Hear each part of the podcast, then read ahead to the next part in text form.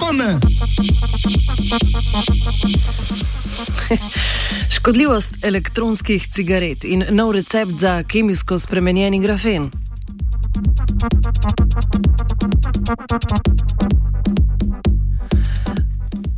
O škodljivosti oziroma neškodljivosti elektronskih cigaret razpravljamo že odkar so te prišle na trg.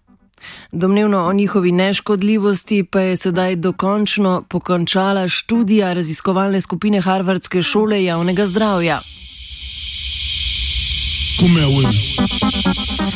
V raziskavi so analizirali 51 najbolje prodajanih tekočin za elektronske cigarete različnih okusov.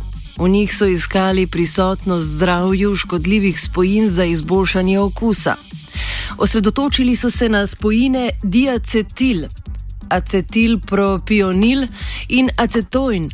Te spojine so sicer dovoljene, dovoljeni ojačevalci okusa v prehrambeni industriji, vendar pa je znano, da inhaliranje v obliki aerosola povzročajo pljučno bolezen, obli, obliterativni bronhiolitis. To je življenje ogrožajoča bolezen, ki nepovratno uničuje pljučno tkivo in zmanjšuje sposobnost pljuč za prevzem kisika.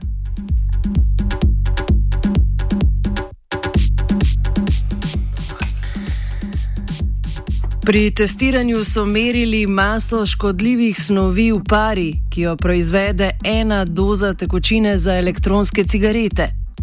Pri več kot 75 odstotkih vseh testiranih tekočin so odkrili prisotnost snovi, ki dokazano škodujejo zdravju. Zaskrbljujoče pa je tudi dejstvo, da so številne tekočine s privlačnimi okusi sladkorne pene, kapkejsov, kapkejsov in pa sadja, namenjene mladim, ki jim lahko dolgotrajno okvarijo zdravje.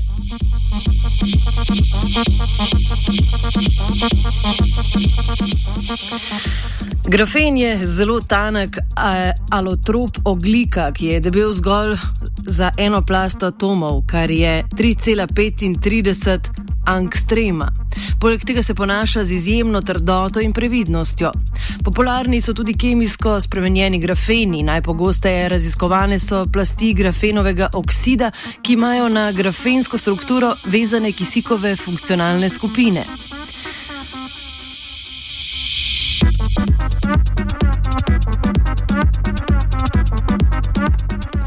Skupina znanstvenikov z Pekinške univerze je razvila novo metodo pridobivanja plasti grafenovega oksida. Do zdaj se ga je pridobivalo po Humerjevi metodi, pri kateri je bila običajna uporaba natrijevega nitrata. Novo odkrita metoda pa se uporabi natrijevega nitrit, nitrata, v prisotnosti katere se razvijajo tudi strupeni dušikovi oksidi, izogne.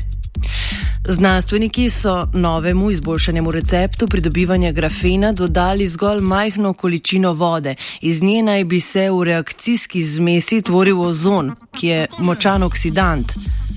Ta lahko oksidira grafit do plasti grafenovega oksida ali pa razpade na kisik.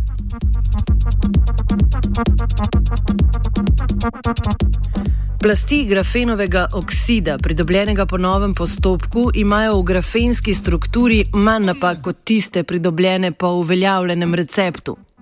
Kemijsko spremenjeni grafeni pa se uporabljajo predvsem kot katalizatorji in detektorji. Podrobneje bomo o grafenu in njegovih derivatih spregovorili tudi v oddaji Frekvenca della Scienza v začetku januarja. Grafen sva oziroma sta kadila vajenca Fran in Matej.